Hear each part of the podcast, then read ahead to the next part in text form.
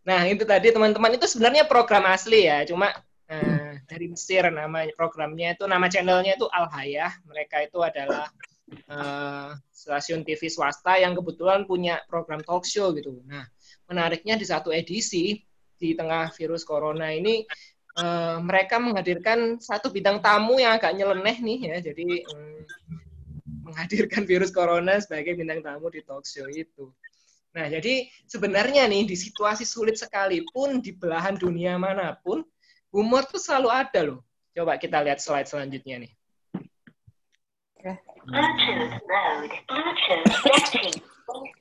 Ini ada beberapa meme, ada beberapa uh, video TikTok, video Instagram yang mungkin teman-teman Bapak Ibu sudah pernah lihat. Kemudian Stephen Colbert di acaranya tetap uh, ngejokes ya tentang tragedi-tragedi ini.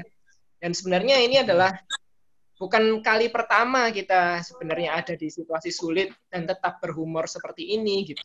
Jadi mulai zaman uh, Holocaust dulu, kemudian uh, eranya Stalin sampai tragedi 98 di Indonesia itu humor-humor tuh sebenarnya selalu ada gitu di tengah situasi-situasi uh, sulit gitu.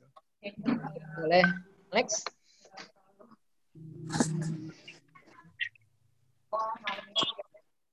Nah, cuma sayangnya yang kami dari IHIK sayangkan dari WHO selaku lembaga dunia yang sebenarnya punya uh, pengetahuan ataupun uh, lebih ya untuk memberikan uh, himbauan pada masyarakat. Sayangnya mereka itu melupakan unsur humor gitu di cara-cara mereka untuk cara-cara kita untuk coping uh, dengan stres selama uh, virus COVID-19 ini. Jadi uh, ketika humor sebenarnya bisa menjadi uh, coping mechanism untuk kita, cara kita untuk meningkatkan imun dan lain sebagainya. Tetapi malah WHO dan juga BNPB itu luput. Pemerintah sebenarnya coba ya, saya rasa uh, kami rasa pemerintah sudah coba mengakomodir itu, tapi walaupun dengan cara komunikasi yang kurang tepat ya, saya rasa Bapak Ibu ya. Jadi Uh, andai kata mungkin cara mereka, cara mereka mengkomunikasikan supaya kita berbahagia di tengah COVID-19 mungkin tidak tepat atau mungkin dirasa tidak bagus karena tidak dibarengi dengan performa uh, untuk melakukan antisipasi atau perlindungan kepada warga yang baik. Kira-kira seperti itu. Oke, mari kita lanjut ke slide selanjutnya. Nah, ini dia lebih kurang alur diskusi kita akan seperti ini. Jadi fokus kita hari ini adalah uh, kami ingin mengajak teman-teman, Bapak Ibu sekalian untuk lebih uh, menjadi apresiator humor atau tetap mengonsumsi humor di tengah hmm. situasi sulit sekalipun gitu. Karena ini tuh bukan kali pertama terjadi dan humor juga bukan kali pertama hadir gitu. Jadi selalu hadir di krisis-krisis maupun eh, peristiwa-peristiwa uh, yang uh, tragedi gitu. Nanti akan dijelaskan lebih lanjut oleh Mbak Novri tentang mengapa kita harus mengonsumsi humor di situasi ini dan bagaimana kita men-tackle horor dengan humor nih oleh Mas Yaser. Nah, uh, tema diskusi kita kali ini akan nyambung ke diskusi selanjutnya tentang etika berhumor. Nanti teman-teman uh, atau Bapak Ibu akan persilakan untuk daftar duluan di sesi selanjutnya, jadi tidak rebutan kuota seperti sekarang ya. Oke, okay. baik uh, untuk mempersingkat waktu, mari uh, kita mulai diskusi hari ini. Saya persilakan Mbak Novri untuk memaparkan uh, hasil pemikirannya kepada teman-teman. Mari Mbak. Oke, okay. terima kasih Ulwan. Halo teman-teman semuanya. Saya manggilnya teman-teman oh, ah. Tapi kelihatannya masih pada muda. Halo. Mungkin karena banyak berhumor ya, jadi ada awet muda nih. Hai Bu Novri. Halo. Halo. Halo. Halo. Aduh, dibilang Bunda. Halo. Oke, langsung aja ya. uh, menghadapi horor. Apa-apa nih lagi Jadi uh, ternyata banyak sekali uh, apa sikap-sikap orang menghadapi horor di sekeliling kita. Contohnya seperti orang super kaya uh, di dunia, mereka uh, cegah corona dengan beli pulau. Jadi nggak tanggung-tanggung. Kalau kita mah beli uh, kontrak aja udah susah gitu ya. Dia beli pulau untuk karantina bersama keluarga. Kemudian ini saya ambil dari Tirto uh, cara-cara orang kaya menghindari corona. Dia pakai pesawat jet pribadi kalau pergi-pergian. Kalau kita mah pakai uh, ojol ya, kita- mereka pakai pesawat pribadi.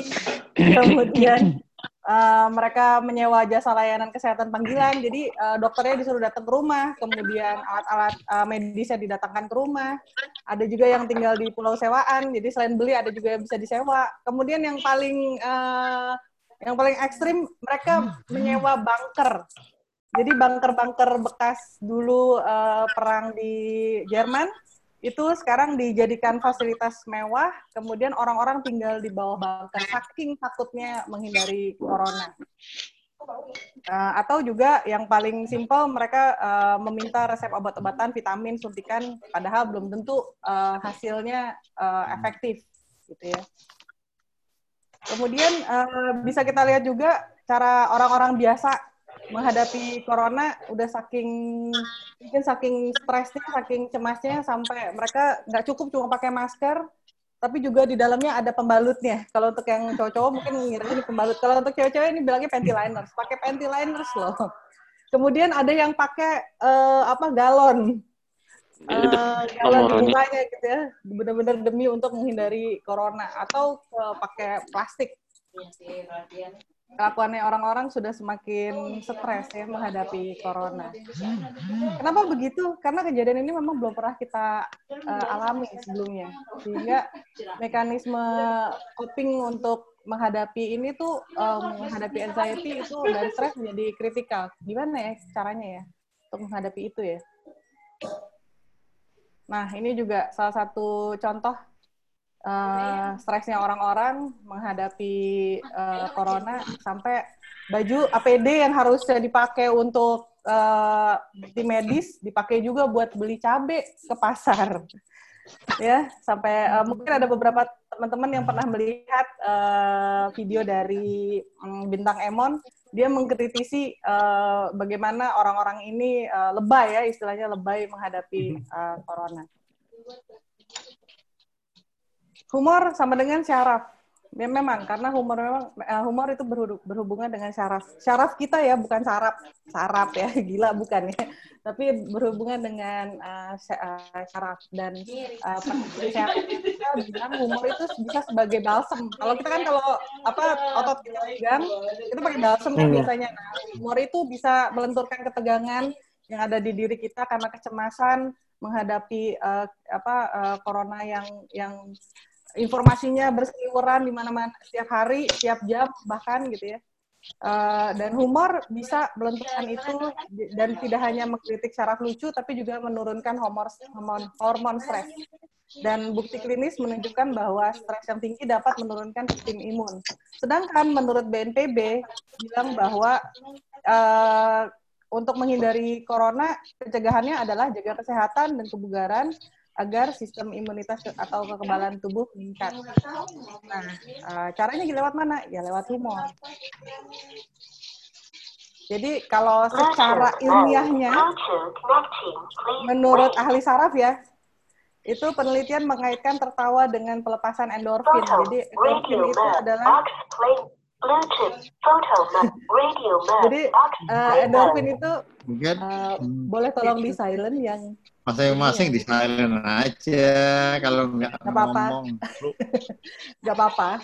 Jadi penelitian mengaitkan tertawa dengan endorfin. Jadi endorfin itu adalah hormon eh, eh, feel good. Jadi kita eh, berasa eh, senang dan akan mendorong mood bersamaan dengan meringankan stres dan meningkatkan sel imun dan antibodi. Jadi kalau misalkan kita tertawa, maka sel imun kita dan antibodi kita akan akan naik dan antibodinya akan mengalahkan eh, infeksi sampai dengan meningkatkan kemampuan kita bertahan dari penyakit. Jadi pada saat kita mendengar satu punchline, jadi punchline itu adalah eh, jadi kalau misalnya ada ada jokes gitu ya, ada jokes kan biasanya ada bahasa pengantarnya dulu di depan, terus terakhirnya bagian lucunya itu yang disebut sebagai punchline. Nah pada saat kita mendengar punchline, maka ada sistem rewards dari otak kita yang akan nyala. Jadi kita kayak dikasih rewards, dan dia akan menyala dan dia akan melepaskan endorfin tadi uh, perasaan enak tadi. Uh, tidak cuma endorfin tapi juga ada dopamin serotonin dan sebagainya. Banyak orgasme humor ya mbak. Kenapa? Banyak orgasme humor ya. Uh, iya kita boleh saya lanjutkan dulu pak uh, kalau pertanyaannya boleh uh, langsung diketik aja oke okay. okay, sorry kemudian ya di chat ya Kemudian uh, manfaat humor bisa jangka pendek dan jangka panjang. Jangka pendeknya adalah untuk organ tubuh kita seperti jantung, paru-paru dan otot. Paru-paru ya apalagi ya kan katanya um, corona itu menyerang paru-paru. Nah, dia bisa menstimulasi organ tubuh kita karena oksigen yang kita ambil pada saat kita tertawa melihat humor, itu oksigen yang terambil uh, lebih banyak sehingga paru-parunya bisa lebih kuat. Kemudian selain itu mengaktifasi uh, respon terhadap stres dan meredakannya seperti tadi dan mengurangi ketegangan. Dan jangka panjang ya kalau kita sering menggunakan humor jangka panjang, maka sistem imunnya akan uh, makin meningkat. Dan kemudian kita akan tubuh kita akan uh, memproduksi painkiller alami. Jadi uh, apa yang sakit-sakitnya akan uh, berkurang karena painkillernya akan keluar. Painkiller alami kita akan keluar dan juga memperbaiki mood. Ini semuanya saya ambil ada sumbernya di bawahnya ya. Jadi bukan saya asal ngomong Kemudian eksperimen pernah uh, dilakukan di Amerika pada tahun uh, 2000. Uh, jadi ada sekian ratus orang uh, dikasih eksperimen untuk menonton uh, dua video. Jadi uh, si ininya si eh, partisipannya akan dibagi menjadi dua. Jadi yang satu nonton video uh, stand up komedi dulu, kemudian mereka habis itu mereka akan dikasih uh, gambar video yang bergambar sadis yang mengerikan. Kemudian yang satu lagi uh, dikasih uh, partisipan dia nonton video mengerikan dulu baru stand up komedi. Hasilnya apa? Hasilnya pada saat yang yang uh, kelompok pertama pada saat dia nonton stand up komedi dulu kemudian dia nonton video bergambar sadis pada saat dia melihat eh, yang bergambar sadis itu mereka akan lebih berkurang stresnya. Kan kalau kita melihat video yang sadis yang menyeramkan itu kan uh, stres kan kitanya jadi tegang. Nah itu uh, tingkat ketegangannya akan berkurang stresnya akan berkurang. Jadi saran saya buat bapak ibu sebelum kita nonton press release yang dibikin oleh pemerintah untuk mengumumkan positif yang positif corona berapa, yang meninggal berapa dan sebagainya, kita nonton uh, yang lucu-lucu dulu atau kita berhumor dulu. Habis itu baru kita nonton uh, mereka. Itu uh, efeknya akan uh, jauh berbeda dibandingkan kita tidak menonton. Kemudian uh, yang satu lagi tadi yang yang video kedua, yang uh, kelompok kedua dia nonton video mengerikan dulu, baru dia nonton komedi. Nah, pada saat uh, abis yang ini pada saat dia habis nonton uh, video mengerikan, kan dia akan cemas kan, akan anxiety. Nah, dikasih uh, stand up komedi, anxiety-nya akan turun. Jadi uh, ketegangannya akan turun. Jadi dia uh, intinya adalah eksperimen di sini bilang bahwa uh, humor bisa digunakan untuk mencegah bahkan bisa sampai mengobati ketegangan seperti itu.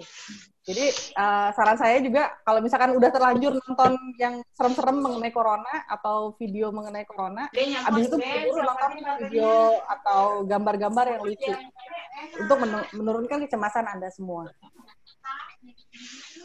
Nah, humor juga bisa sebagai APD. APD apa? APD buat mental kita. Jadi kalau di uh, di literaturnya bilangnya sebagai uh, mental armor. Armor di sini saya bilang kalau armor kan buat baju perang ya. Ini sebagai APD kita, uh, alat pelindung diri. Yes. Jadi uh, komedi dapat menjadi APD untuk mental untuk menghadapi saat-saat tragis. Caranya dengan mengelola yang tidak dapat kita kelola. Jadi gini, meng, uh, apa yang tidak dapat kita kelola? Ya berita-berita yang berseliweran di sekitar kita itu tidak dapat kita kelola. Nah, caranya gimana? Cara kelola kita gimana? Ya kita memilah yang mana yang akan kita uh, absorb, yang mana yang tidak. Itu caranya. Bersenang-senanglah dengan hal itu. Jadi uh, berpikirlah selalu positif, berpikirlah selalu uh, melihat sesuatu dengan perspektif humor. Habis itu baru kita bisa menertawakan hal-hal yang dianggap orang itu uh, mengerikan. Da, uh, menurut uh, Sentruman, hal inilah yang dapat kita hadapi pada saat kita um, berada di situasi yang seperti sekarang ini. Dia adalah psikolog di St. Paul, Minnesota. Nah, ini adalah contoh bagaimana kita mengelola yang tidak dapat kita kelola. Jadi instead of kita pakai APD tapi ke pasar, ya udah kita pakai kostum aja gitu. Kalau kostum ini susah, kan ada itu tuh ondel-ondel tuh sekarang lagi banyak pinjem aja dulu kostuman ondel-ondelnya mungkin uh, apa bisa hiburan buat anda sendiri bisa hiburan buat orang sekeliling kita gitu uh, apa dan bisa meningkatkan sistem imunitas uh, sekeliling kita juga Nah, ini adalah cerita-cerita yang kita ambil. Uh, ini bukan kita yang ngomong, berarti ini udah dari pasiennya. Jadi humor itu bisa untuk kita yang uh, sedang di karantina di rumah atau memang orang yang OP, uh, orang dalam pengawasan ataupun pasien dalam pengawasan ataupun pasien itu sendiri ataupun relawan dan dan uh, apa uh, tenaga medis itu seharusnya menggunakan humor pada saat menghadapi corona ini. Ini cerita uh, pasien yang sembuh dari virus corona. Dia bilang caranya adalah ya gembira aja pada saat uh, apa pada saat uh, proses penyembuhan karena dengan kita gembira, dia jadi penyemangat dia untuk sembuh. Ini pasien di Semarang ya. Kemudian ada cerita juga dari uh, warga asal Bekasi, dia di karantinanya di Ambon kalau saya nggak salah. Dia bilang pesannya adalah jangan stres. Jadi pada saat kita difonis positif corona, maka jangan stres. Ini ada yang lebih seru lagi, dia uh, apa dia tidak stres selama di isolasi, dia nonton video-video lucu, terus dia wa waan sama sama grupnya grup grup keluarganya terus udah gitu dia kasih teka-teki terus kalau ada yang bisa jawab teka-teki teka-tekinya dia dia kasih hadiah pulsa dua puluh lima ribu apa segala macam gitu. Uh, intinya adalah dia ingin menggembirakan dia sendiri supaya dia uh, segera sembuh. Dan alhamdulillah uh, ketiga orang ini yang yang testimoni ini sudah sembuh saat ini gitu jadi saat ini saat satu satu-satunya yang harus menular itu adalah apa kira-kira Bapak Ibu? Virus? Yes, yang harus tertawa saat ini adalah tertawa. Oke. Okay? Sekian dari saya, terima kasih. Saya kembalikan lagi ke moderator Ulwan, silakan. Oke. Terima kasih Mbak Novi. Boleh tangan dong buat saya.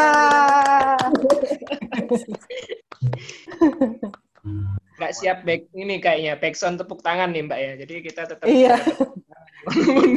pada di mute semua oke uh, terima kasih mbak Nofri paparannya menarik sekali buat teman-teman saya ingatkan lagi kalau misalnya ingin uh, punya pertanyaan atau ingin sharing boleh diketik di kolom komentar nanti akan kami kirimi ya pertanyaan ataupun yang sharing yang paling menarik akan kami kirimi buku terbitan dari kami Mbak Nia, mana nih Mbak Nia? Halo Mbak Nia. Halo. Halo. Mbak, ini buku-bukunya udah ada di atas. Amerin nih mana nih buku yang mau dibagi ke teman-teman nih nanti? Ini? Ini ada dua, yang kuning dan yang warna biru. Oke, jadi ada Metafora humor, metafora visual metafora dan visual dan uh, Soekarno dalam kartun. Oke. Ini nanti bisa milih ya Bapak Ibu yang bertanya boleh milih yang mana nanti Mbak Nia ya. Oke. Nah, nanti akan kami kirimkan nih, Mbak Nia kirimkan nih ke alamat nah, ya. Bapak Ibu. Nanti kita catat alamatnya ya. Oke, siap. Jadi teman-teman, Bapak Ibu, uh, silakan yang punya pertanyaan nanti ataupun mau sharing nanti uh, akan saya panggil untuk berbicara di depan layar kami semua. Wah, oke. Okay. Uh, eh, untuk selanjutnya, uh, saya persilakan Mas Yaser. Mas Yaser udah balik belum nih dari infeksi orang tadi? udah, udah, udah balik lagi. udah, udah balik. Aku pakunya udah dicopot-copotin. Oh, udah. pakunya. Kira masih pakai topeng. Ini asli Mbak, bukan topeng. Oh gitu ya. Baik, okay. uh, eh, selamat siang teman-teman sekalian, Bapak dan Ibu semuanya. Uh, apa kabar? Assalamualaikum warahmatullahi wabarakatuh. Uh, sekedar sharing aja.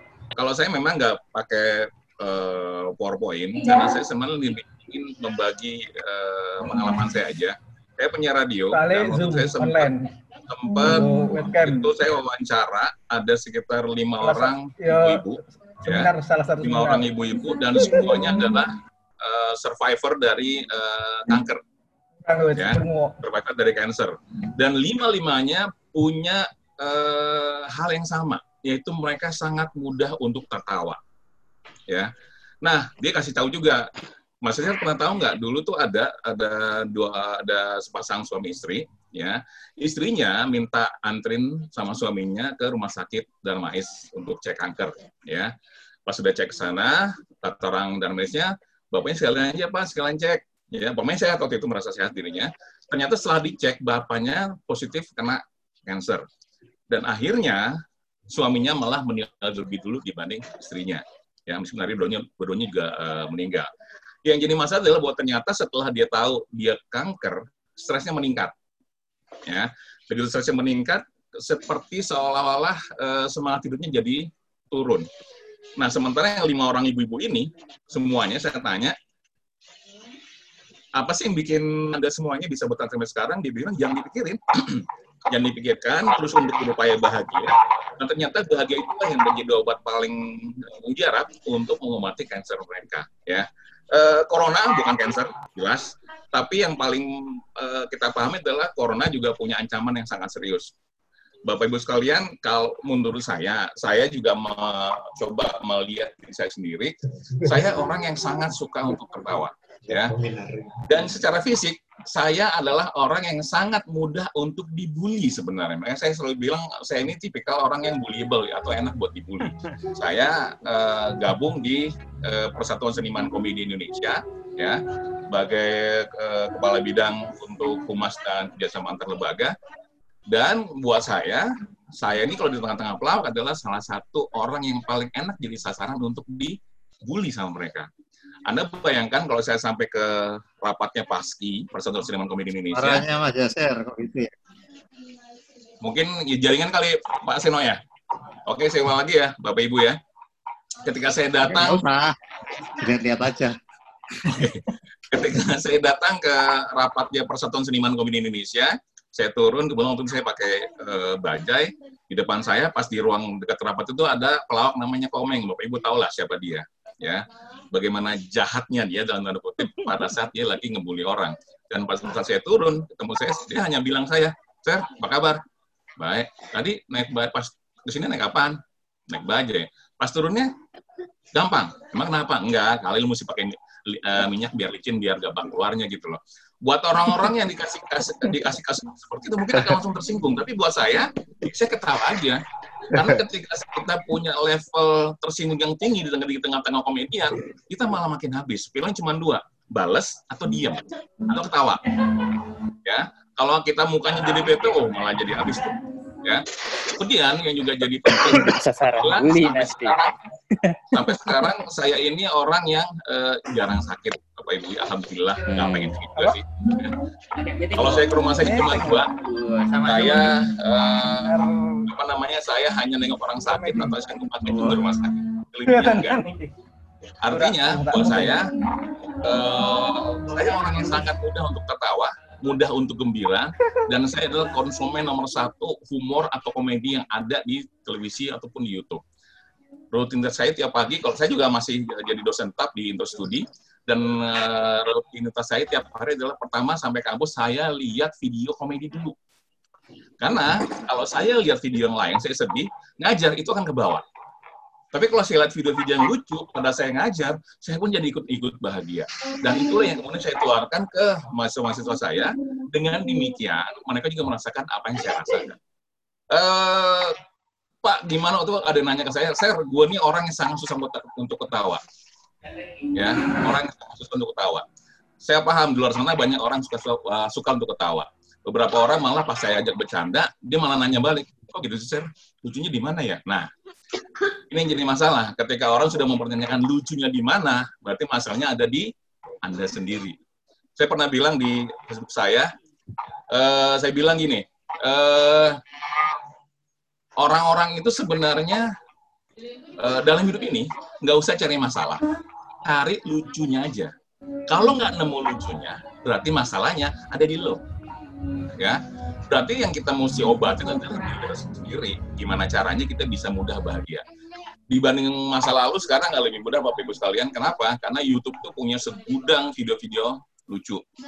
Ya, banyak masing-masing orang punya cara untuk menghibur diri sendiri dan udah dibilang ah saya butuh eh, saya butuh komedi yang cerdas kadang-kadang tanya lagi deh anda tuh butuh komedi yang cerdas atau butuh komedi yang lucu ya saya kenal dengan calon tong saya tahu logika berpikir seperti apa dan buat saya orang-orang seperti itu adalah orang-orang yang punya talenta yang yang luar biasa kalau dibilang komeng, komeng, komeng cerdas, eh, calon tong lebih cerdas, buat saya dua-duanya cerdas. Kenapa? Karena nggak semua orang bisa membangun eh, komedi, membangun tawa di tengah perkataannya, di tengah perilakunya.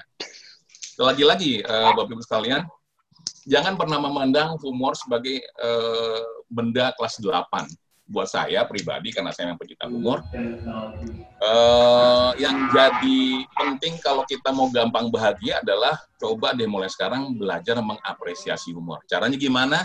Kalau lihat orang ngelawan orang bercanda ketawa. Susah pak. Kalau kita susah ajak orang yang gampang ketawa. Karena tertawa itu menular. Ya saya duduk di samping teman saya saya ketawa sendiri dia pun nanya kenapa lu Sir? Tapi dia ketawa. Artinya apa? Kan nggak tahu apa yang diketawain, tapi dia akan ketawa. Ya. Artinya apa teman-teman sekalian, bapak sekalian? Jangan pernah ragu untuk tertawa. Jangan pernah mengeluh tentang apa yang ada di dalam diri kita sendiri. Saya uh, orang yang lumayan besar kelihatan dari. Kalau ada yang nanya saya, saya berat lo berapa? Dan berat lo cepet lebih lebih berapa sen? Lebih cepet saya bilang gitu. Orang bilang, bilang aja 200. Enggak, dicicil biar enak itu ngomongnya. Buat saya seperti itu. Saya nggak pernah punya masalah orang meledek saya, menghina saya, karena buat mereka, buat saya, semakin saya, banyak diledek, semakin saya banyak dihina, saya akan dapat pahala satu. Kedua, saya banyak teman. Karena banyak orang yang begitu diledek sedikit langsung tersinggung, malah punya teman yang jauh lebih sedikit. Karena buat saya, satu musuh terlalu banyak, seribu teman terlalu sedikit. Kira-kira gitu, Mas Ulwan. Untuk yang berikutnya, kalau ada pertanyaan, saya persilakan. Senang kalau kita bisa berdiskusi di hari yang indah ini. Terima kasih. Terima kasih Mas Yaser, menarik sekali. Boleh tepuk tangan dulu buat Mas Yaser.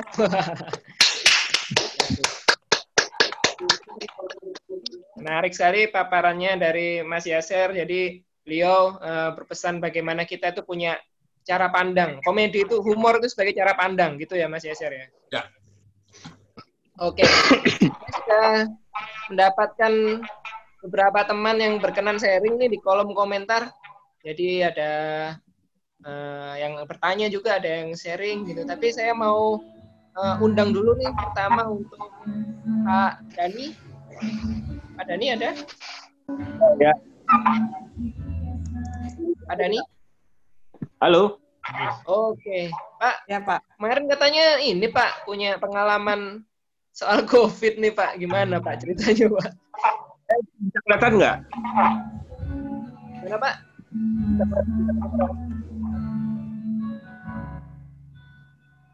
Suara saya. Halo? Halo. Iya Pak, suaranya sudah kedengaran Pak.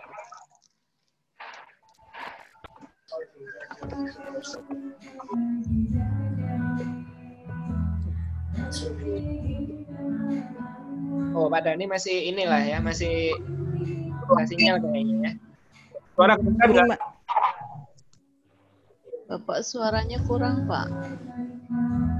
Pak Dani masih berjuang mencari sinyal. Ya. Masih berjuang mencari sinyal.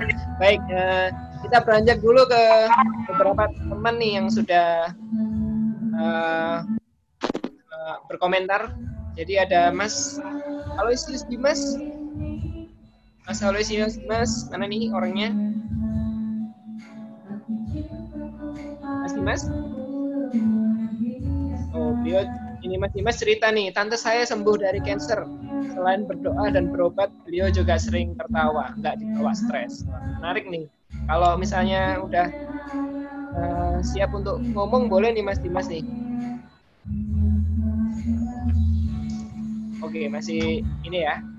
Masih berebut sinyal ya sepertinya ya. baik sama Pak Dani tadi. Jadi kita lanjut lagi ke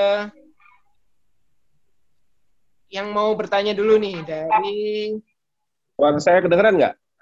Oh iya Nah, Pak Dani Pak. ya. Oke, Pak. silakan Pak. Ya. Eh, ya. Bahwa apa saya juga informasi dari dari uh, kan terus Jadi eh, suaranya hilang-hilang Pak. Suaranya hilang-hilang Pak Dani. kedengeran nggak? Hilang-hilang Pak.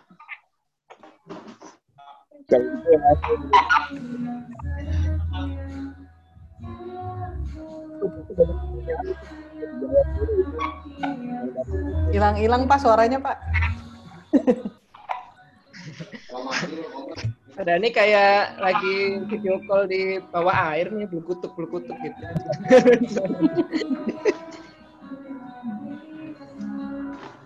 Kita persilakan Pak Dani cari ini dulu deh ya tempat untuk untuk dapat sinyal yang lebih bagus. Kita sharing dari pertanyaan dulu ya, boleh ya dari Mbak Afada nih. Saya mau tanya bagaimana ya cara menyeimbangkan humor ke masyarakat tentang corona ini? Karena khawatirnya jika dibawa dengan humor dan masyarakat salah tangkap, malah bisa membuat masyarakat jadi menggampangkan. Jadi cara menyampaikan humor secara seimbang ini gimana kira-kira? Mungkin Mas Yaser, Mbak Novri bisa eh, berbagi perspektif soal pertanyaan atau keresahan Mbak Afada ini. Mas Ya ada ada sebuah apa statement yang menarik waktu itu. Eh, bentuknya saya lupa apa ya. Bentuknya meme atau bukan kayak meme, kayak kayak status di Twitter atau gimana. Dia bilang gini, pemerintah sebenarnya salah tuh kasih tahu ke masyarakat umum dengan bilang bahwa dilarang keluar rumah. Enggak, harus bilangnya gini aja. Nggak usah tahu rumah, ntar mati, selesai. Ya, nah itu sebenarnya buat saya juga cerdas emang. Emang kadang-kadang orang harus dikasih tahu dengan cara-cara sedikit ekstrim, tapi itu bukan dilakukan, hanya di diucapkan. Ya, itu adalah satu satu cara yang tidak merendahkan korban. Artinya apa? Kalau lo mau hidup, kalau lo mau senang, ya udah di rumah, jangan ke mana-mana. Ya, itu salah satu cara. Yang kedua adalah gini, kita paham bahwa di kita, di kita kan beragam orang ya, ada yang dengan mudah terima humor, ada yang sangat Yang susah untuk terima humor. Ke itu aja ke paling komunikasi tidak merendahkan satu pihak. Kita yang selama eh, ini sebenarnya sih lebih kepada materi webinar berikutnya nih, yaitu etika berhumor. Itu pertama adalah jangan pernah merendahkan korban. Ya, kalau mau disasar, kalau mau disasar, itu orang-orang yang masih sehat, jangan yang udah yang udah sakit, yang udah kena jangan. Orang-orang yang masih sehat, karena memang tugas kita adalah supaya korbannya nambah. Jadi targetnya jangan korbannya, ya, jangan kebijakannya, mendingan orang-orangnya. Kebijakan udah bagus, tapi kalau orang nggak mau jalan, ya nggak akan nggak akan bisa merubah eh, keadaan. Ntar kalau jadi saya deh, dikit lagi. Dikit lagi. Oh, Dikit lagi dia Kira-kira lagi. itu, Luan. Oke. Kalau Mbak Novri, sharing juga? Sama sih, kayak kurang lebih sama. Eh, intinya kalau kita mau berhumor, eh, apalagi di kala bencana seperti ini, jangan eh, menghumorkan korban ya. Kalau bo- kalau mau menghorma- menghumorkan, salah satunya yang eh, tadi yang sebelumnya saya kasih gambarnya itu adalah eh, apa kelakuan orang-orang yang aneh, yang di luar dari korban itu itu masih boleh. Jadi kayak tadi pakai apa eh, pakai masker di- dimasukin pembalut dan sebagainya. Itu yang boleh dihumorkan. Oke. Em, Saya tambahan Kebetulan lagi ya, ya. Mas. Luan, tambahin lagi sedikit ya. Misalnya Boleh. gini, kayak tadi kita lihat yang TV Mesir, itu kan juga salah cara dia melawan dengan humor sebenarnya. Yang disasar sama dia korbannya, tapi virusnya yang dia wawancara. Ini kalau di konsep zaman dulu kalau Pak Seno eh, apa namanya sering juga dengar dulu kan ketika kita bikin wawancara wawancara imajiner gitu sama orang yang sekarang nggak ada. Ya, ini juga sama, kita bikin wawancara imajiner sama ini virusnya. Jadi kita kasih pembela- pembelajaran bukan dengan cara merendahkan korban, tapi kita coba kasih tahu eh, mengedukasi masyarakat dengan cara kita mau mewawancara virusnya. Sebenarnya yang orang-orang udah pernah tahu Tapi kalau dengan cara seperti tadi kan akan punya pendekatan yang berbeda. Kira-kira demikian. Baik. Oh ini kebetulan yang lagi denger musik boleh minta tolong dikecilin sedikit ya. Kayak di Gramedia nih kita jadi ada backsound. Gramedia. di, di, buku ada backsound ini. Nah, tolong dikecilin sedikit ya yang eh, untuk Bapak Ibu atau teman yang minta musik. Nah, oke mantap. Nah, ini kebetulan eh, yang ditanyakan Mbak Afada ini berkaitan sekali dengan tema diskusi kita selanjutnya yaitu tentang etika berhumor. Tidak hanya di masa corona ini bahkan kita itu pasti pernah beberapa kali melihat kan eh, pejabat salah ngomong, salah bercanda, bahkan komedian aja itu juga bisa salah bercanda. Jadi memang eh, ada beberapa hal yang terkadang kita itu eh, luput gitu. Eh, Misalnya bagaimana kita menyadari eh, humor adanya joke competence dan humor competence. Nah, itu misalnya teori yang dikembangkan eh, dari eh, linguis Victor Raskin ya, seperti esai yang kami tulis dari HIK di kolom komentar nanti teman-teman kalau lagi luang mungkin bisa baca lagi. Jadi eh, kalau Mbak Afada masih belum puas dan masih penasaran tentang bagaimana caranya, kita ketemu lagi di sesi kedua ya nanti ya Mbak ya di Oke. webinar kedua yang tentang etika berhumor temanya. Oke, terima kasih Oke, Mbak. siap. Afada. Makasih banyak jawabannya. Oke, kemudian kita juga ada lagi nih dari Mas Danis Aryandi. Ya, Saya mau bertanya, bagaimana cara mengembangkan ide humor yang positif dalam situasi wabah corona ini? Mas Danis ada? ada. Oke, Mas Danis punya keresahan apa sih sebenarnya tentang eh, mungkin punya ide berhumor tapi susah disampaikan di situasi seperti ini atau gimana sih sebenarnya? Eh, saya mengembangkan tuh mengembangkan idenya awalnya dari komik. Oke,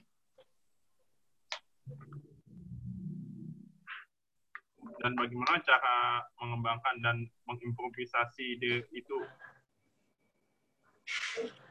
Mas Danis komiknya apa nih? Nama ininya udah ada di akunnya Instagramnya atau gimana? saya belum bikin belum bikin hanya ilustrasi saja Oh gitu. Tapi Nah. em, memang ketertarikannya dari dulu ini ya di dunia karikatur atau komik ya. Eh, dunia ilustrasi biasa kartun Oke. Oke, Mas Yasir, Mbak Novri, boleh Ya, saya dulu mungkin ya. Eh, Ya. Mas Danis, gini. Eh, Mas Danis punya ini nggak sih Mas? Punya apa? Punya tokoh kartunis yang sangat diidolakan?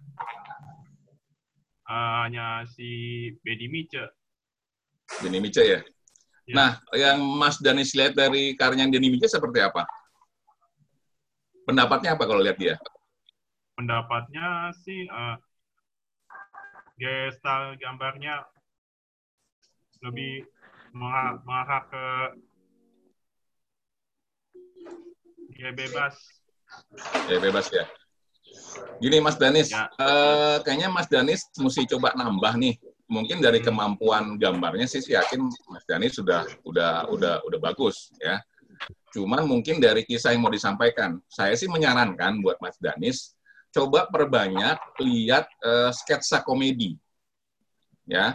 Karena sketsa komedi itu akan lebih mudah dipindahkan ke dalam bentuk eh, kartun, ya. Hmm. Kalau misalnya Mas Danis sempat pernah tahu kartun yang namanya Tahi Lalats ya, itu kan juga sama tuh, dia punya kisah tuh kan sebenarnya. Nah, Ya. nah kisah itu bisa sangat di, bisa, bisa dibuat dalam eh, apa? Kisah tadi bisa dipindahkan ke dalam bentuk eh, kartun, ya. Karena eh, pendekatan struktur anekdot sama struktur kartun sebenarnya agak mirip, tapi kalau dibilang mirip banget sama sekali enggak. Karena mereka punya logika berpikir beda. Karena kalau kartun kan dia eh, ada bahasa gambar, tapi kalau anekdot itu kan dia memang bahasa bahasa penyampaian, bahasanya bahasa bahasa bahasa verbal, ya. Tapi apakah bisa kemudian dikawinkan sangat mungkin. Caranya gimana? Cobalah memulai lihat sketsa yang ada di YouTube tuh banyak sketsa itu dan kemudian dipindahkan dalam bentuk karikatur atau dalam bentuk kartun, ya. Mungkin nggak akan langsung dapat, ya, Mas Anis ya. Pasti butuh Ya. proses lah itu ya, nggak mungkin langsung Ya. instan. Tapi dengan dimulai dari awal sebenarnya itu sangat membantu. Satu itu, kedua adalah lagi-lagi kalau kita mau berhumor kita harus bisa mengapresiasi humor dengan cara apa? Menikmati humor. Ya nonton, ya, yang ngeliat, diskusi dengan orang yang paham seperti sekarang ini udah udah langit tepat sebenarnya. Pada saat Mas Denis mau coba masuk ke wilayah eh, humor. Kira-kira gitu Mas Denis. Ada yang mau ditanya lagi mungkin? Eh, itu saja. Oke. Oke, kalau dari saya boleh saya tambahin sedikit. Mungkin eh, bisa pertama eh, apa untuk menyensor eh, istilah menyensor eh, karya Anda pertama self censorship sih setahu saya. Jadi eh, Anda mem- memandang eh, apakah eh, Anda sebagai korban atau Anda sebagai tenaga medis atau jadi kayak menempatkan diri Anda sebagai tenaga medis atau korban. Eh, terus melihat karya Anda, apakah eh, mereka kira-kira akan tersinggung atau enggak. Kemudian yang kedua, eh, karena ini adalah eh, bencana ya, eh, suasana yang horor, jadi memang agak sensitif memang. Kalau Anda tiba-tiba eh, mengeluarkan karya yang memang pas kebetulan eh, ininya frame-nya bercanda, eh, bercanda, frame-nya bencana. Nah, eh, sebaiknya Anda eh, apa eh, tanya sama orang sekeliling Anda, atau kalau Anda punya komunitas, maka bisa bisa tanya sama komunitasnya, eh, ini kalau saya keluarin karya kayak gini kayak gimana? Gitu. Jadi eh, internal dulu, begitu Anda sudah yakin aman, baru Anda keluarkan di sosial media Anda atau di mana pun itu. Ya. Oke, gimana Mas Danis? Ya, Oke, nanti kami tunggu loh karya ini karikatur atau Silakan ilustrasinya kirim ke boleh ya. ini karena kebetulan kami punya beberapa penggemar eh, kartun, jadi mungkin bisa kami eh, apa ya eh, sensornya dari kami mungkin.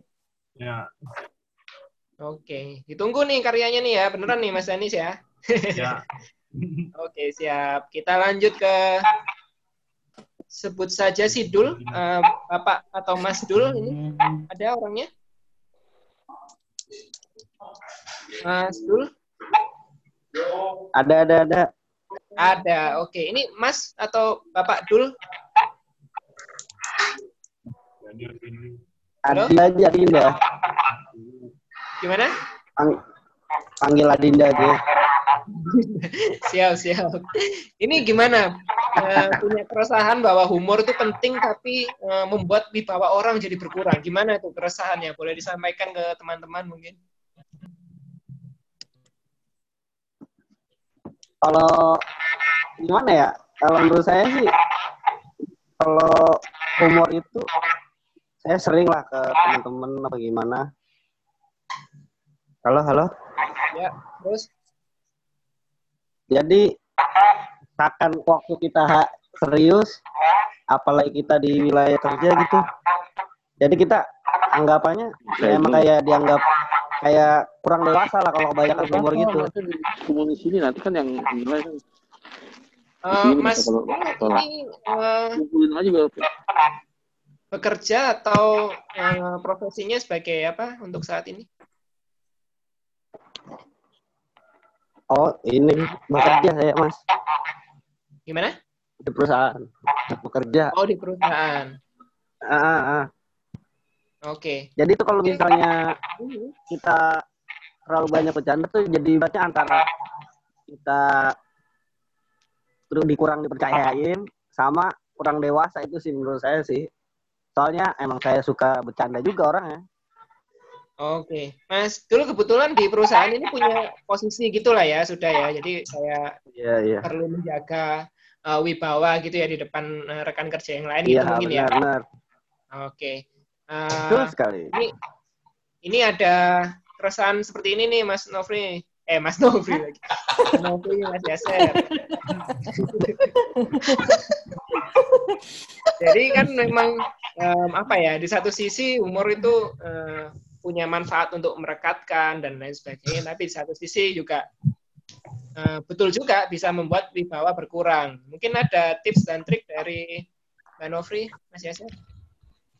Eh, saya dulu kalau gitu ya. Sebenarnya ini salah satu juga yang jadi keresahan waktu kita bawain eh, workshop untuk tingkat humor. Banyak dosen-dosen waktu itu yang mempertanyakan di mana wibawa kita kalau kita bercanda di depan mahasiswa. Jawaban saya cuma satu. Eh, kita ini bukan komedian, kita ini dosen, saya bilang gitu. Jadi tidak harus semua materi keluar langsung bercanda. Nggak boleh. Anda cukup di awal, tengah, akhir cukup. Nah, kalau tadi menyangkut tadi eh, Mas Dul bilang bahwa kok kita saya dianggapnya jadi nggak serius, dianggap eh, apa namanya nggak dewasa. Kesalahan mungkin gini, Mas. Mas selalu menempatkan humor dalam segala segi. Ngomong serius bercanda, orang-orang serius masih bercanda, dalam kondisi yang harusnya nggak bercanda masih bercanda. Jadi kondisinya adalah ya kita sama-sama menganggap bahwa orang itu nggak tahu menempatkan diri sebenarnya. Ya. Nah, eh, humor itu sama dengan fotografi sebenarnya. Dia ha- harus lihat momen. Mungkin cara memanfaatkan momen itulah yang mesti kemudian dilihat. Pas nggak nih kalau gue bercanda di sini? Kalau nggak jangan. Ya. Cuman memang eh, butuh apa ya? Butuh insting yang kuat untuk mau menempatkan di mana saya harus berhumor, di mana saya nggak boleh berhumor. Yang paling penting gini, ketika semua orang lagi serius, sebaiknya memang jangan berhumor. Ketika dalam kondisi bencana, lagi bencana, jangan bercanda. Ya. Tapi kami boleh bercanda dalam kondisi bencana. Seperti apa dulu? Kalau nanti di depan korban bencana Anda bercanda, ya Anda sama aja merendahkan mereka sebenarnya. Jadi yang paling penting adalah lihat momennya. Kira-kira pas nggak nih? Kalau pas mainkan, kalau nggak pas jangan. Ya, yang jadi masalah kalau semua dibercandain, ya orang meninggal dibercandain ya janganlah. Ya, orang lagi eh, kena kemalangan dibercandain ya jangan juga. Lihat porsinya, kira-kira mana yang bos- bisa bercanda, mana yang tidak. Mungkin yang menjadi membuat nilai orang kepada emas itu kok nggak dewasa ya, ya mungkin karena eh, penempatan saat bercandanya mungkin yang dianggap belum tepat ya jadi mesti coba lihat lagi lah polanya seperti apa kira-kira gitu Oke. Mbak Novri, ada disampaikan? kalau saya dari sisi teori sih, walaupun saya agak-agak eh, mesti baca lagi teorinya. Jadi ada empat em, jenis em, humor yang bisa di humor yang biasa digunakan di eh, kantor. Nah, ada hum ada dari empat ini ada dua yang boleh, ada dua yang sebaiknya tidak digunakan. Tapi apa aja eh, nanti akan ada di webinar selanjutnya. Sebagai teaser untuk webinar selanjutnya sebenarnya. Tapi intinya mungkin eh, dari empat ini eh, dua yang sebaiknya tidak digunakan eh, terlalu sering digunakan. Akhirnya malah jadi eh, tadi bisa menurunkan eh, wibawa kita sendiri.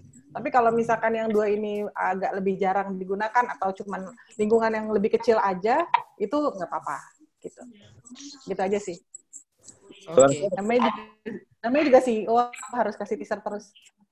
Iya, ini juga nih saya mau kasih teaser buat modul kita nih Mbak yang buat humor at work.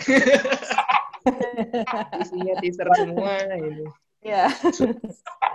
Jadi memang ya, seperti yang sudah Mbak Novi sampaikan, jadi memang itu juga perlu diperhatikan. Terus juga kadang eh, konteksnya eh, hierarki dalam perusahaan itu kan ada tuh. Jadi apa kita bercanda dengan eh, atasan seperti apa, kemudian dengan sesama eh, yang se, se apa ya istilahnya, seposisi itu seperti apa, maupun ke bawahan itu juga eh, beda sendiri gitu perlakuannya. Jadi memang eh, ada banyak sekali yang perlu dipertimbangkan dalam eh, humor di kantor ya. Walaupun itu bukan hal yang mustahil untuk dilakukan, tapi eh, perlu memang banyak pertimbangan. Jadi nanti eh, bisa nih kita bawa ke sesi selanjutnya ya, Mas Dul ya. Boleh ya. Nanti.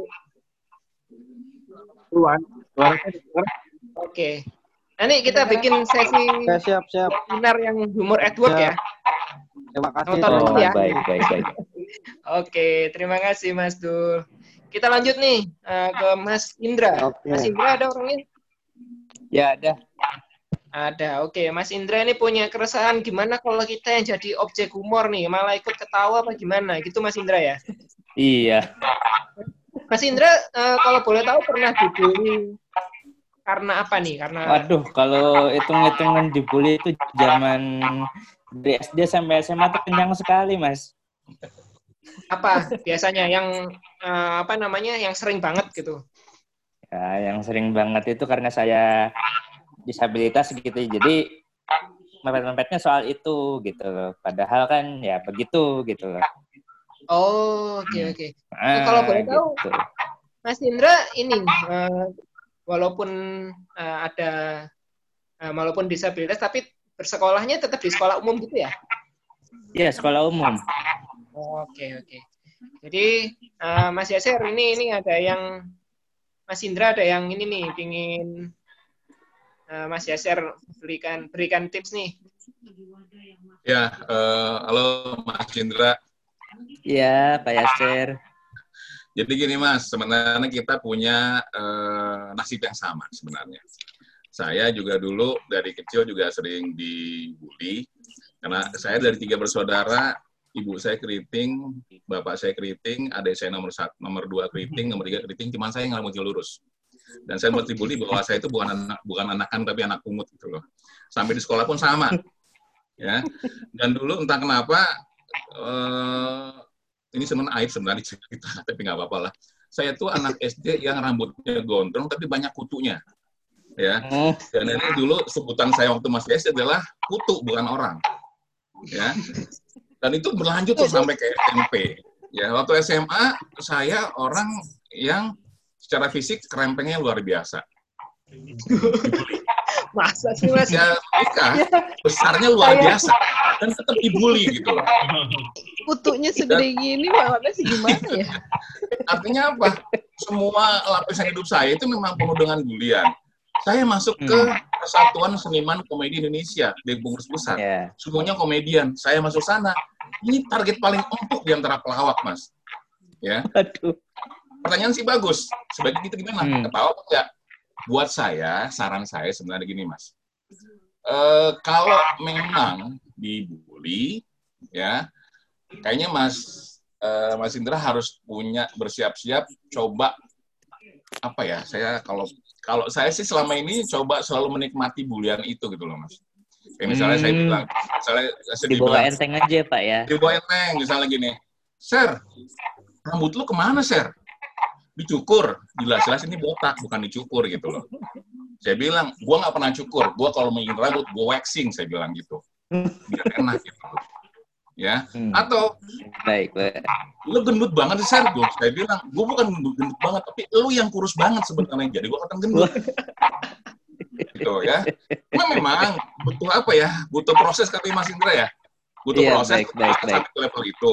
Tapi di awal sebenarnya saran saya adalah cobalah menikmati semua yang dikatakan ke kita gitu loh. Iya, Kalau saya iya. kalau bilang dibully mas, wah kenyang lah udah. Tapi kadang-kadang saya cuma bikin balik lagi, misalnya kayak cari paling gampang nih sebenarnya agak, agak, agak, agak jorok nih sebenarnya nih. Tapi nggak apa-apa ya.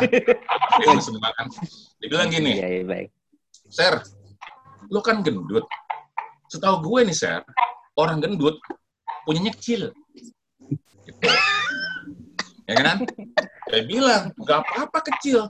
Yang penting banyak, saya bilang gitu. Satu. Kalau dikumpulin, gede juga kan kalau gitu, saya bilang gitu. Jadinya, ketika itu terjadi, saya mikir, ya udah, eh, jadi jadi jadi enteng. Ya, contoh lain. Oke, Iya, ini sih bukan bully, cuma dia sengaja memang bikin saya bikin saya marah waktu itu. Saya lagi puasa, Iya. teman saya tahu saya puasa diledekin alah di di di, di celah-celah terus bilang ayo share malah share marah marah batal share kalau marah batal berarti saya bilang sama dia enggak gue puasa. Tapi lu mana? Kan enggak gue hanya bilang. Lu tuh temen gue yang anjing banget monyet banget. Bangsat lagi saya bilang gitu. Dia bilang loh lu marah? Enggak kan tuh ngomongnya baik-baik. Nah, maki-maki, gue bilang anjing, enggak, lu anjing banget. Halus kan? Nggak punya alasan buat marah. Lagi-lagi, itu bisa kita dapatkan kalau kita punya level yang terbiasa menerima. Di, di umur itu ada enam level, Mas. Ya, Baik. saya itu dari level kelima. Ketika saya bisa mencemooh diri saya sendiri. Jadi kalau saya jatuh, saya bisa ketawa. Yang lain mungkin marah. Kalau saya enggak. Kalau yang level ke-6 tuh lebih parah tuh, apa pun diketawain. Nah, saya saya enggak enggak enggak separah itu, ya. Cuman proses sampai sampai kenapa sih bisa saya di posisi no, di posisi kelima? Karena memang saya dari kecil memang terbiasa dibully sampai sekarang. Nggak Biasa ya. Oh. Berusaha menerima aja gitu. Mas. Saran saya sih, gitu. memang mungkin Baik, awal Pak. berat, mas saya tahu, nggak gampang, Berat, nggak gampang ya. saya tahu. Iya. Tapi itu memang proses. Lama kelamaan lama-lama Iya. kita bisa kenal. Gitu mas. Iya. Baik, Pak. Terima kasih sarannya, Pak Yasir ya. Sama-sama Mas Indra. Semoga berguna. Iya. Mantap sekali Mas Indra. Nah, saya ini mas. Halo, Ya, Mas Indra. Oh, ya, saya ini bagaimana. Mas? Saya dari komunitas stand up Malang kan. Tahu Hmm. komik namanya Dami Aditya nggak? Oh, iya, saya pernah lihat. Ya, dia itu kan kena cerebral palsy itu ya. Jadi Oh iya. dia itu selama di komunitas itu sering dibully juga, walaupun dibulinya nggak nggak nggak ini ya, nggak Gitu. Hmm, ya. Bukan ngebully gitu. Tapi sama dia, bulian-bulian itu malah jadi materi.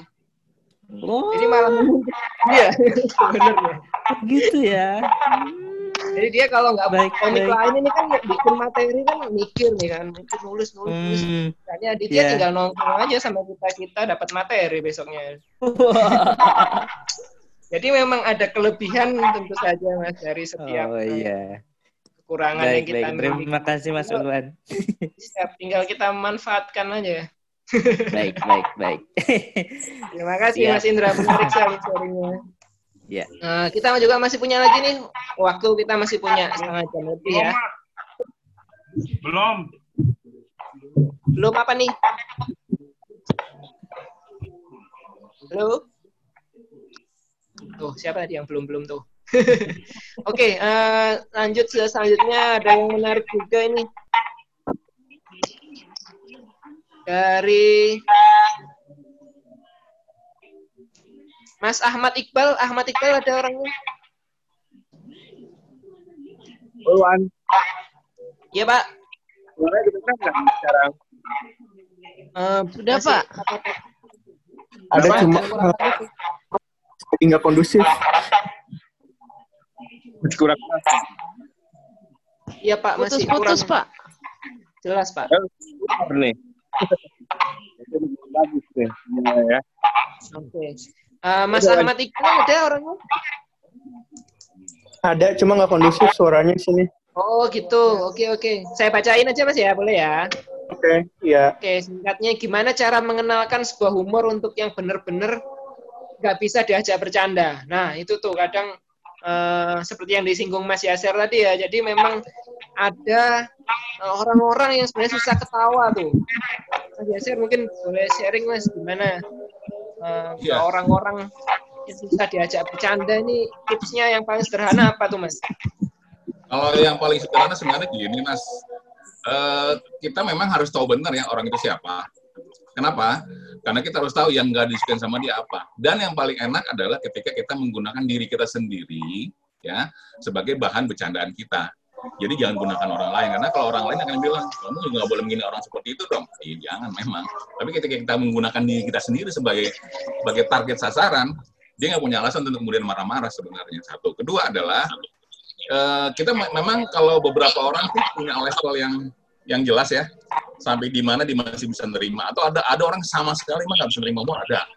Ya ada orang sama sekali nggak bisa nerima humor dan bukan berarti orang yang nggak pernah senyum itu nggak suka humor. Ya. Ada orang waktu itu saya ketemu sama praktisi terapi tawa ya.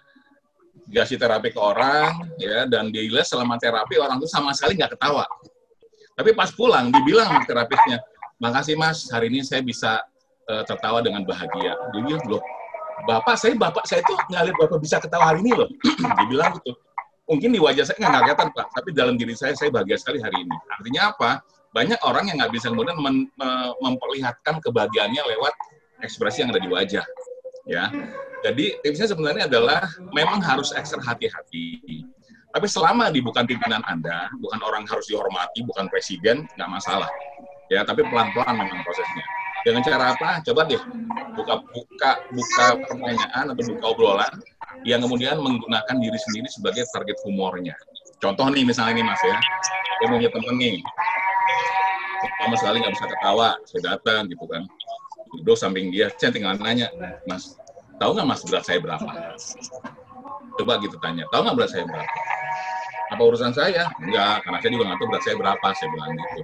Biasanya kalau digituin orang akan lebih mudah minimal senyum deh begitu senyum artinya ke depannya akan lebih gampang ya, jangan pakai materi yang berat karena dia pasti akan akan akan langsung defense gitu apa apaan sih orang ngajak bercanda kenal juga enggak ya. Jadi memang butuh proses yang eh, butuh proses yang nggak nggak sebentar atau minimal memang mesti kenal dulu orang itu siapa. Contoh paling gampang gini teman-teman sekalian mungkin ada tahu ada yang enggak gitu loh bahwa Cak Lontong itu level sedih seperti dia itu sekali ngelawak itu 60 menit stand up itu udah 70 juta.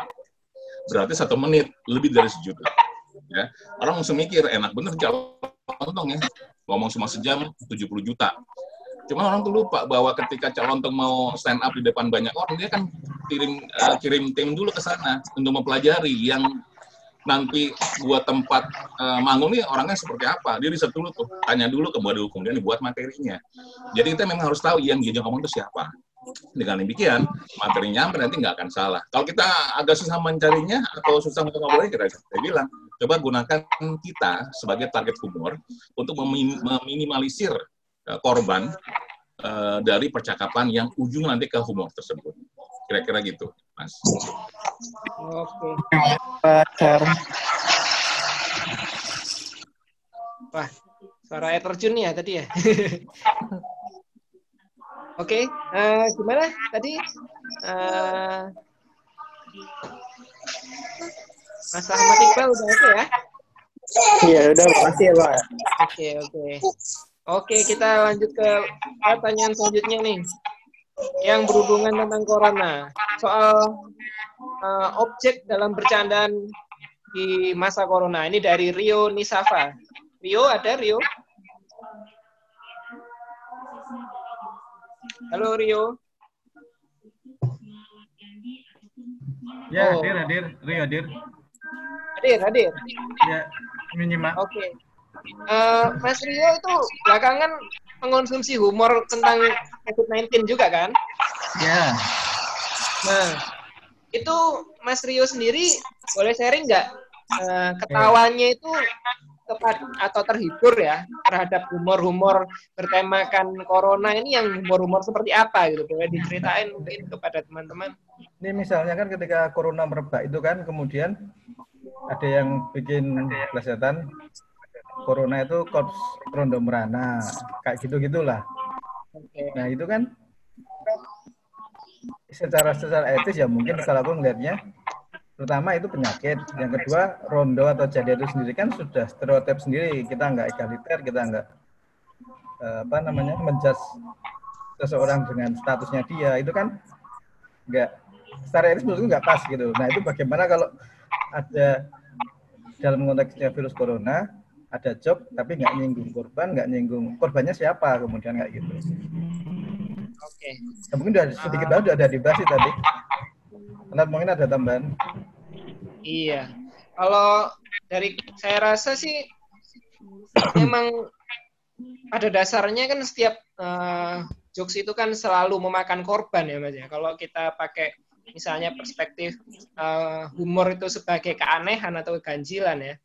Bahwa kita baca plesetan aja yang singkatan-singkatan gitu kan kita ketawa karena yang jadi korban di sini itu adalah eh, pikiran kita sendiri gitu. Kok bisa ya saya terjebak sama eh, singkatan-singkatan atau plesetan aneh begini gitu. Jadi seminim apa pun, seabstrak apa pun objeknya itu pasti ada yang disinggung atau diserang gitu dalam humor. Jadi eh, memang eh, humor yang menyatukan di masa-masa seperti ini, humor itu kan bisa menyatukan, bisa memecah ya. Jadi memang yang menyatukan itu adalah yang eh, kita itu tidak menghina korban, tetapi kita itu tadi me- menyalahkan atau menyoroti orang-orang yang ceroboh, konyol di masa-masa seperti ini kayak gitu. Jadi untuk em, saya rasa secara konsep humor itu selalu menyinggung dan kita tinggal eh, sebagai kalau misalnya kita sebagai produsen humor ya kita tinggal memilih gitu kita harusnya sadar itu siapa yang eh, jadi eh, target dalam humor ini gitu. Mas Yasir mungkin ada pandangan tambahan sedikit? Eh, melengkapi aja kali Mas ya. Eh, kalau tadi memang eh, kalau saya karena saya terbiasa ketawa untuk apa pun ya. Jadi apa pun yang disasar ya saya akan akan ketawa. Saya dibilang gila pun saya tetap akan ketawa itu. Cuma kan memang tidak demikian dengan semua orang.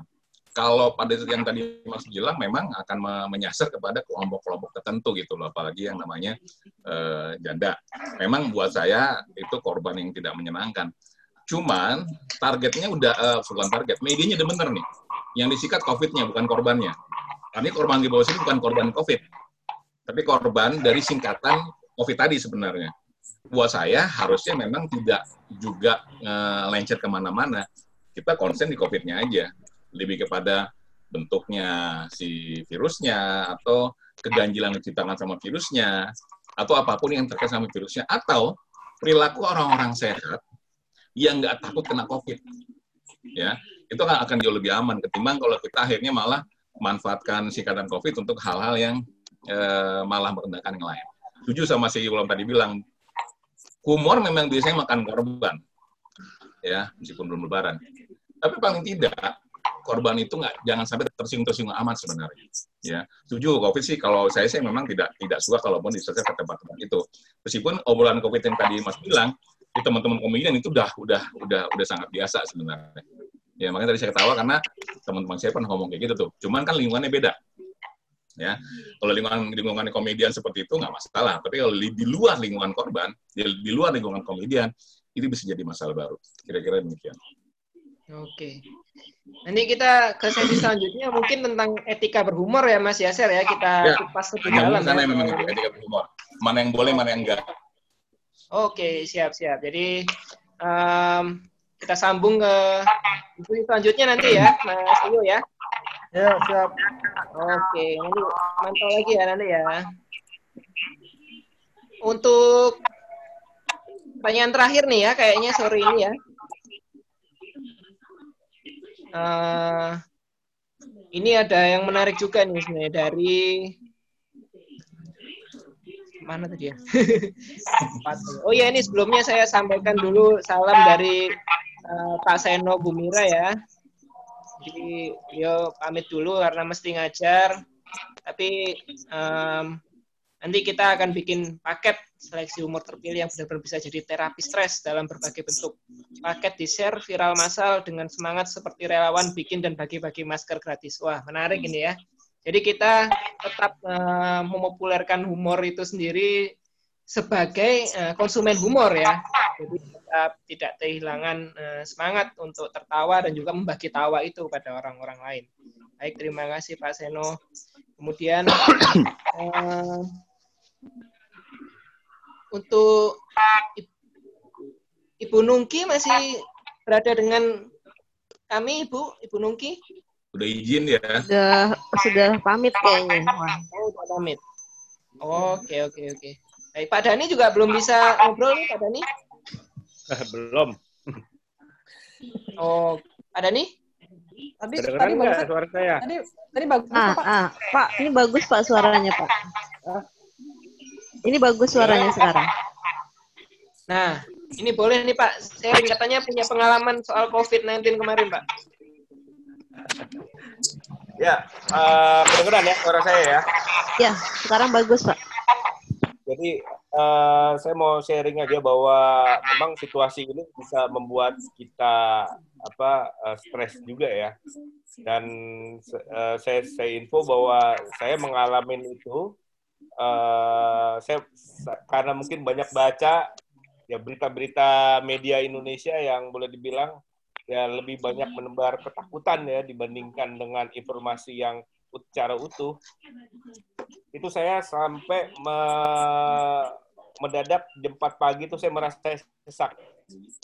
Ya karena saya diare terus kemudian saya apa nyari berit nyari nyari tahu saya sampai telepon ke itu ke mana yang apa BNPB itu terus kemudian saya jam 4 pagi tuh ke rumah sakit tuh.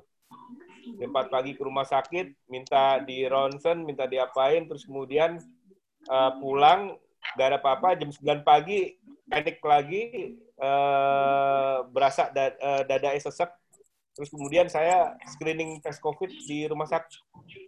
Jadi eh, untuk biaya atas paniknya itu adalah saya ngeluarin uang ya mungkin sekitar satu setengah juta ya. Eh, jadi berasa banget bahwa apa saya aja bisa bisa diserang panik gitu loh. Sehingga saya butuh detox terapi eh, nonton film-film yang lucu mungkin selama sekitar satu sampai dua hari untuk saya benar-benar sekarang udah mulai menjauhin berita-berita mengenai COVID ya minimal saya mungkin cuma pegang HP untuk baca berita COVID itu mungkin cuma pagi, siang, dan malam. Kalau dulu mungkin kita pantengin terus, jadi sekarang saya lebih rileks ya. Jadi benar-benar uh, humor itu ya uh, bisa untuk sebagai healing ya, untuk defense mechanism. Uh, buat saya bisa melupakan hal-hal yang negatif supaya ke hal-hal yang positif gitu. Mungkin itu yang saya cuma mau sharing ya. Tapi menarik juga nih orang yang suka berhumor seperti Pak Dani yang mengonsumsi humornya dalam titik tertentu bisa ini Pak ya? Iya, Bisa iya, iya. Saya pun bisa kena gitu loh. Jadi eh, kalau menurut dokter ya mungkin saya diserang panik ya dia bilang ya. Jadi eh, saya di- diperiksa itu eh, apa grafik jantungnya sama di ronsen dan kemudian eh, apa eh, dikasih obat biasa aja. Jadi dia bilang eh, ini cuma panik aja gitu loh. Jadi eh, jantung rekam jantungnya bagus, terus ronsennya bagus, tapi saya sampai dua kali saya sampai screening COVID yang eh, saya dites darah segala macam. Ya Hmm. karena karena eh, ya dan Ya, hilang. Nih? itu yang benar-benar paling lama yang pernah saya rasakan. Ini saya positif atau enggak? Itu aja. Tapi setelah detox humor itu gimana Pak? Dampaknya Pak? Ya, itu udah benar-benar saya udah mulai udah tenang banget sekarang. Saya udah bisa bekerja seperti biasa, eh, baca buku seperti biasa, dan saya mulai doing activity yang benar-benar seperti biasa lah. Kalau dulu eh, mungkin ya awalnya itu adalah karena terlalu banyak baca berita, terus kemudian panik eh, sehingga diserang eh, cemas gitu loh. Karena ini kan suatu hal yang kembali lagi adalah hal yang tidak biasa, belum pernah eh, terjadi gitu loh. Eh, kita kerja di rumah, nggak bersosialisasi, nggak keluar ke mana-mana, nggak interaksi dengan siapa pun ya kecuali dengan daring ya gitu. Mungkin itu sih. Oke, berarti walaupun sempat itu mungkin eh, Pak Dani lagi lengah juga ya, nggak nggak nonton video humor-humor ya mungkin ya di masa kena panik itu mungkin lah ya. Ya, saya cuma mau sharing supaya apa eh, jangan sampai hal ini eh, kena kepada ya Bapak Ibu yang peserta ini ya supaya dengan melalui mak- eh, humor ini ya kita bisa apa bisa apa bisa apa ya bisa jangan sampai stres lah intinya gitu aja deh. Oke. Makanya thank you banget inisiatifnya apa Novrita sama siapa Yaser ya. Banget ketika dia menyodorkan konsepnya ini gitu loh karena kita perlu melawan ya virus corona ini dengan humor, dengan banyak tertawa supaya meningkatkan imun tubuh dan menurunkan rasa cemas menurut saya sih. Gitu sih. Oke. Menarik sekali Pak Dani. Mungkin untuk eh, teman-teman, Bapak Ibu yang lagi menyimak di forum ini, mungkin salah satu detoxnya adalah menonton video-video lucu seperti di YouTube ya, yang sudah saya share di eh, kolom chat. Mungkin itu bisa sedikit mengurangi ya, gitu ya Pak Dani ya. Ya, ya. Oke, terima kasih Pak Dani sharingnya. Dan sepertinya em, kami sudah berada di ujung eh, masa ketemu kita hari ini. Jadi nanti untuk eh, teman-teman, Bapak Ibu yang sudah mengirimkan pertanyaan atau sharing, nanti yang paling menarik akan Ibu Nia seleksi dan juga mintain alamatnya ya, kan sudah mengisi di eh, Google Form juga kan ya. Jadi nanti biar kami hubungi untuk minta alamat detailnya secara privat, jadi tidak eh, apa di kolom komentar yang dilihat publik, jadi bisa lebih inilah ya, lebih private data yang dibagikan. Eh, untuk teman-teman, Bapak Ibu, eh, kami mengucapkan terima kasih sekali sudah berkenan bergabung di diskusi webinar pertama kami ini. Kami akan bikin lagi diskusi selanjutnya. Pantengin terus eh, akun medsosnya IHIK di @ihik3. Kemudian websitenya IHIK juga di ihik3.com karena informasi-informasi terkait eh, acara kami, kemudian tulisan-tulisan penelitian kami, buku-buku terbaru di library kami, semuanya akan publikasikan di situ. Juga untuk teman-teman yang punya inisiatif untuk bekerja sama di acara tertentu, wah kayaknya kita perlu deh bikin ini. Saya uh, punya keresahan seperti ini seperti ini. Boleh kita diskusikan uh, secara privat lewat email ke Mbak Novri atau Mas Yaser.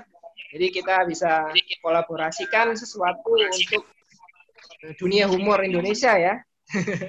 Jadi supaya kita punya kontribusi lebih dalam bidang humor gitu. Uh, terima Uh, kasih untuk banyak emailnya- bergabung. Sorry tambahan untuk emailnya silahkan uh, email ke ihik3 ihik 3 at yahoo.com. Oke, terima kasih Mbak Novri. Terima kasih Mbak Novri, Mbak Mas Yaser. Sama-sama. Oke. Oke, terima kasih untuk teman-teman. Jangan lupa ngisi formnya juga. Em, kami tutup dulu forum eh, sore hari ini. Sampai ketemu di webinar selanjutnya. Selamat sore. Wassalamualaikum warahmatullahi wabarakatuh. Waalaikumsalam. Mohon maaf kalau ada kesalahan-kesalahan katanya. Selama acara berlangsung. Terima kasih. Terima kasih.